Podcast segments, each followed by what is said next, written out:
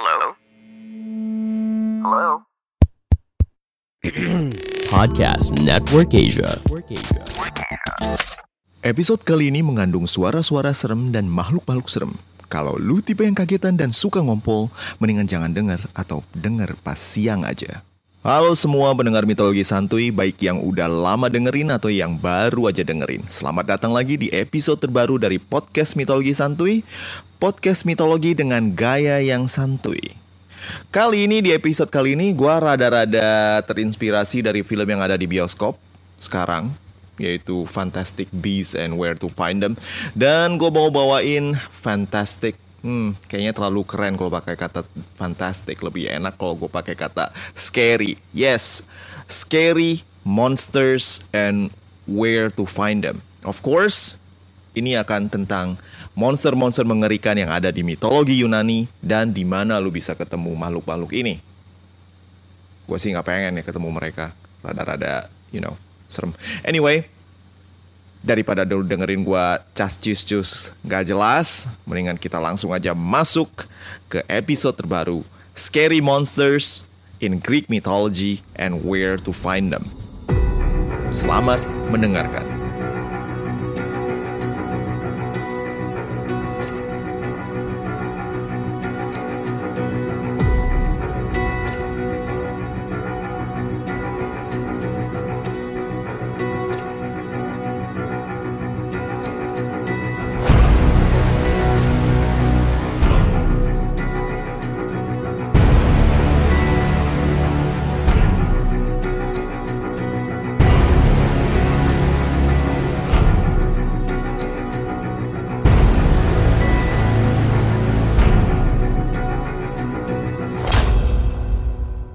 Pertama di list kita adalah para Gorgon.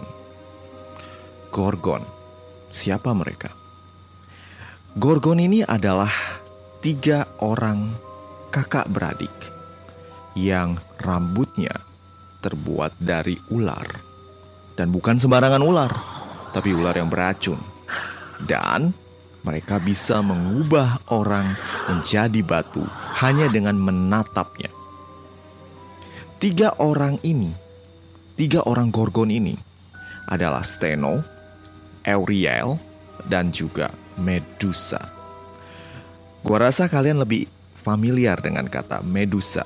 Yep, di satu cerita yang lebih populer dan kebanyakan didengar orang, Medusa adalah pelayan dari kuil Athena yang kemudian somehow menarik perhatian Poseidon dan Poseidon kemudian um, you know melakukan hal yang sangat-sangat tercela kepada perempuan yang cantik ini yaitu memperkosanya di kuil Athena.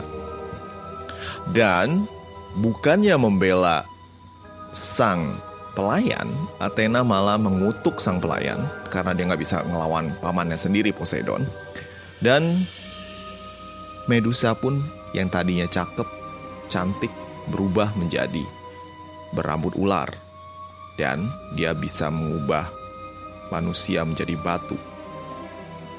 Banyak sumber sejarah yang mengatakan kalau misalnya cerita ini dibentuk untuk menggambarkan satu monster yang disebut dengan para Gorgon. Tapi gue nggak tahu. Yang jelas, yang paling terkenal memang Medusa. Nah, Medusa kemudian menemui akhirnya setelah dibacok oleh Perseus, anak dari Zeus yang, you know, kelahirannya agak-agak aneh karena mamanya dihamili dengan Zeus yang berubah menjadi hujan emas. Dan ini gue udah pernah ceritain di satu episode.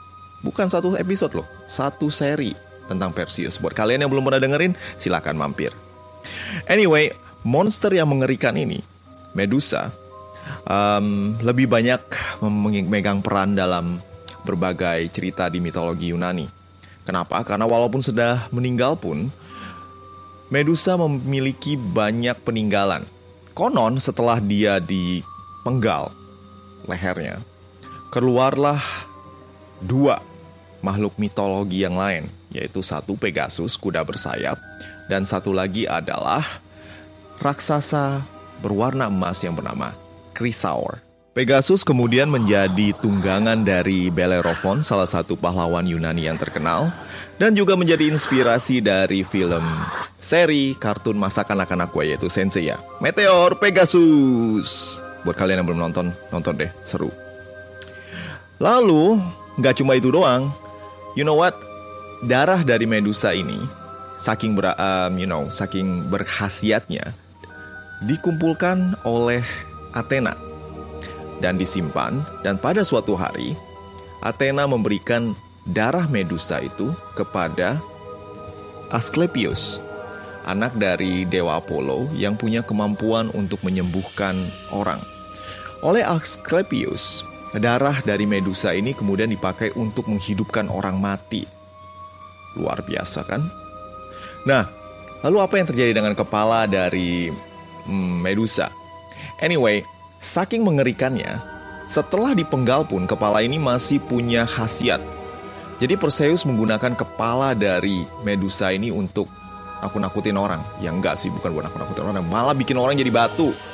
Dan selalu dipakai ketika dia menggunakannya untuk melawan musuh. Pada akhirnya, sang kepala kemudian menjadi bagian dari perisai yang digunakan oleh Athena. Jadi perisai Aegis kemudian dilengkapi lagi dengan um, kepala dari Medusa untuk menambah khasiatnya. Jadi Athena menjadi benar-benar gak terkalahkan dan dia menggunakannya luar biasa di perang Troya nanti.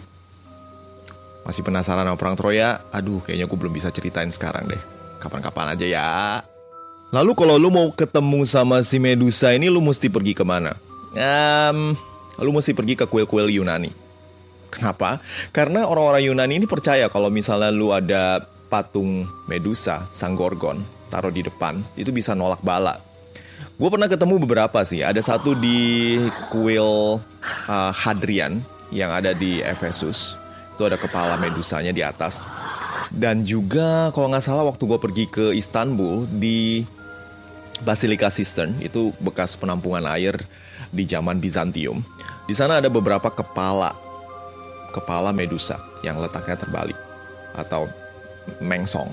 Kenapa? Karena um, ada satu alasan yang gue nggak bisa sebutin di sini karena memang udah melenceng.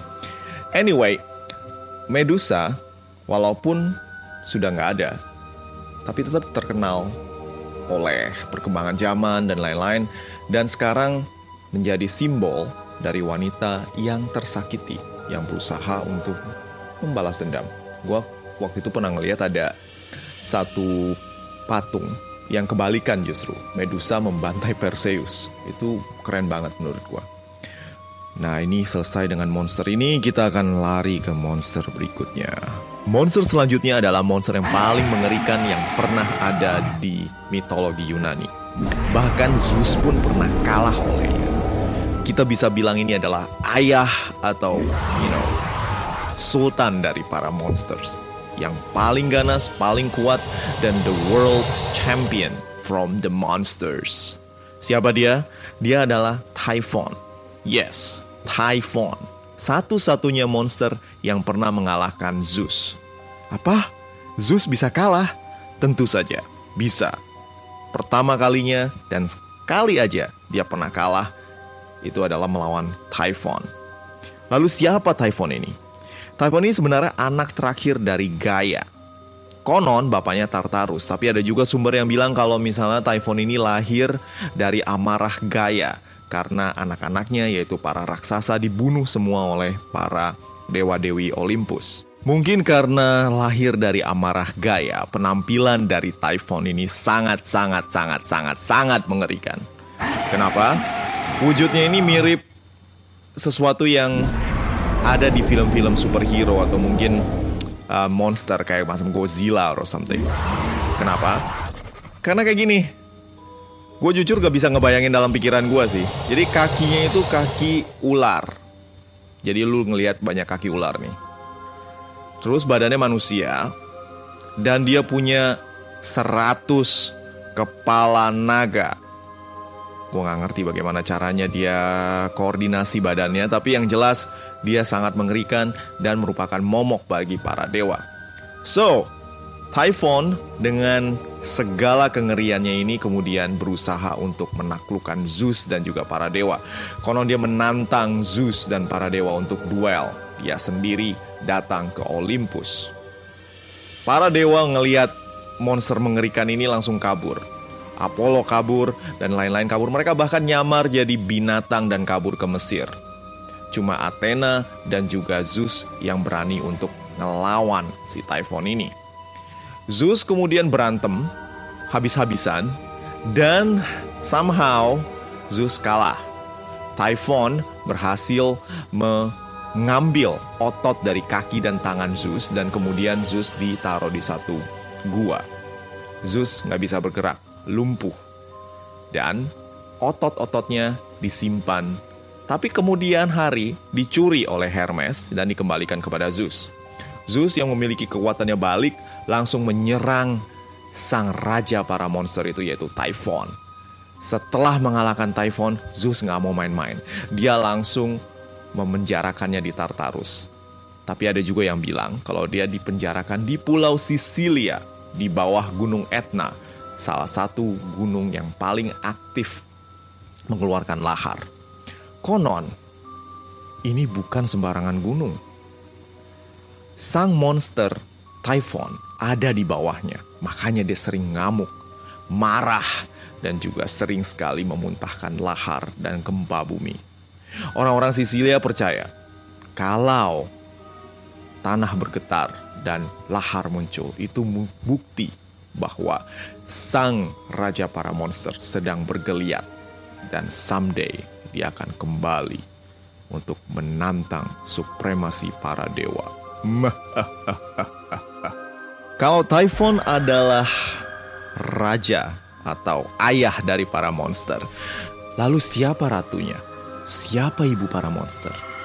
Tak lain tak bukan adalah Echidna, monster yang ada di daftar kita selanjutnya. Echidna adalah wanita bersayap dan juga memiliki wajah yang cantik dengan mata yang begitu memikat. Tapi separuh badannya yang lain adalah ular. Dia sangat berbahaya karena dia immortal dan juga dia adalah istri sah dari Typhon. Hmm, bagaimana mereka actually do the thing ya?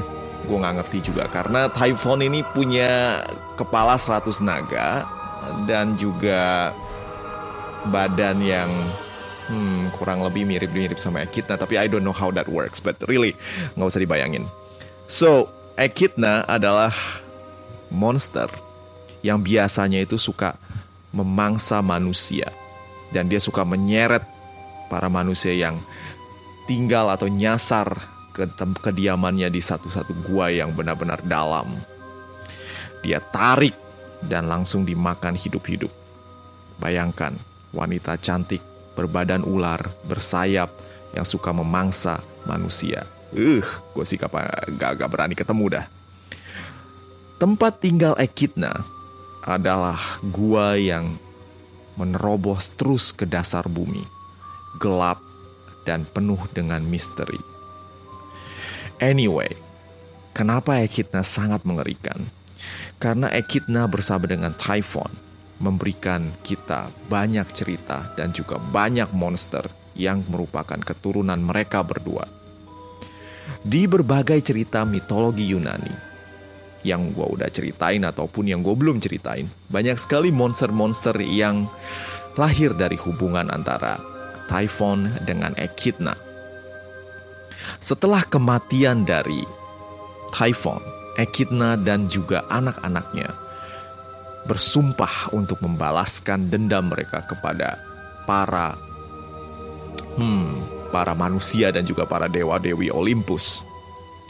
Anak-anak mereka mungkin kalian sudah pernah bertemu atau pernah dengar. Kayaknya sih nggak mungkin kalau ketemu kan. Salah satunya adalah Otrus Tahu Otrus? Itu loh, anjing berkepala dua yang dibunuh sama Hercules. Ada juga Hydra yang juga dibunuh oleh Hercules. Ada juga singa dari Nemea yang juga dibunuh oleh Hercules. dan juga Cerberus, anjing kesayangan dari Hades yang kebetulan tidak dibunuh oleh Hercules. So, kalau lu dengar dari reputasi ini, pantas aja kan kalau Echidna itu benci banget dengan manusia dan juga para dewa. Karena anak-anaknya banyak yang dibunuh oleh keturunan dari para dewa dan juga manusia. Banyak sekali misteri tentang Echidna. Next on our list of scary monsters of the Greek mythology adalah wanita cantik dengan sayap dan juga suara yang indah. Loh kok nyeremin? Eh, jangan salah. Jangan pandang wajahnya yang cantik, suaranya yang merdu. Makhluk yang gue sebut dengan nama Sirens ini adalah teror untuk para pelaut di lautan lepas mitologi Yunani. Para sirens yang juga sering digambarkan seperti putri duyung ini, walaupun cantik dan bersuara indah, mereka ini punya sesuatu dark side di dalam mereka. Konon, para sirens ini sering sekali menjebak para pelaut yang mengembara di lautan lepas, apalagi yang lewat dengan pulau mereka. Dengan suaranya yang indah, mereka menjebak mereka masuk ke pulaunya, lalu membantai para pelaut yang malang tersebut. Suaranya yang indah konon bisa menghipnotis orang untuk menabrak batu karang. Dan sampai pahlawan yang kenamaan dari perang Troya yaitu Ulysses atau Odysseus. Ketika melewati tempat ini dalam perjalanannya pulang ke Ithaka, dia meminta semua awak dari kapalnya untuk menutupi kuping mereka dengan semacam mm, lilin dari lebah or beeswax katanya. Ulysses sendiri mengikat dirinya di ujung dari kapal dan bilang, kalau gue mabok atau kalau gue ngomong yang aneh-aneh jangan dengerin. Pokoknya kita harus lewatin pulau ini dengan selamat. Pokoknya lu jangan dengerin ada nyanyian apa pun. Gue mau nyuruh lu apa pun itu bodoh amat. Pokoknya kita berlayar terus kata Ulysses. Dan terbukti benar. Ulysses ngomong ngeracau dan meminta untuk mampir ke pulaunya para Sirens. Untungnya, nggak ada yang dengerin. Mereka terus berlayar sampai melewati para sirens yang terus bernyanyi dengan suara indah berharap kalau mereka bakal didengar, namun tidak, sama sekali tidak. Mereka gagal.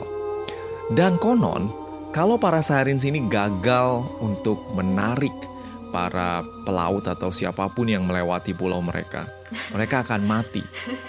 Dan benar, banyak juga para sirens yang mati. Salah satunya mati dan mengambang ke satu uh, kota yang sekarang kita kenal dengan nama Sorrento di Italia Selatan. Sorrento ini adalah kota yang tak jauh dari Napoli. Dan nama Sorrento sendiri berasal dari nama Siren. Nah, kalau lu mau ketemu dengan para Siren, lu silakan mampir ke sana aja. Gak ada lagi sih, cuma you bisa membayangkan sambil mendengarkan suaranya yang merdu. Emang masih ada? Ya kagak lah, lu dengerin aja dari YouTube atau lu dengerin dari uh, episode kali ini. Nah, demikianlah episode tentang scary monsters from Greek mythology and where to find them. Jangan khawatir, sebenarnya ini ada dua part dan yang lu denger ini baru part satu. Dan kalau misalnya gue niat pun gue bisa bikin 10 episode tentang monster-monster di mitologi Yunani. Tapi gue pengen bikin dua dulu deh. Jadi minggu depan kita akan kembali lagi mendengarkan daftar dari monster-monster yang ada di mitologi Yunani. Sebelum bubaran, gue pengen ngucapin terima kasih buat temen-temen dan juga para pendengar sekalian yang udah mendukung uh, mitologi santuy. Buat kalian yang pengen um, ngedukung gue atau memberikan support, silahkan mampir ke laman traktir mitologi santuy yang tersedia di uh, deskripsi episode. Sampai jumpa minggu depan, and Ciao. Pandangan dan opini yang disampaikan oleh kreator podcast, host, dan tamu tidak mencerminkan kebijakan resmi dan bagian dari podcast Network Asia. Setiap konten yang disampaikan mereka di dalam podcast adalah opini mereka sendiri dan tidak bermaksud untuk merugikan agama, grup etnik, perkumpulan, organisasi, perusahaan, perorangan, atau siapa pun dan apa pun.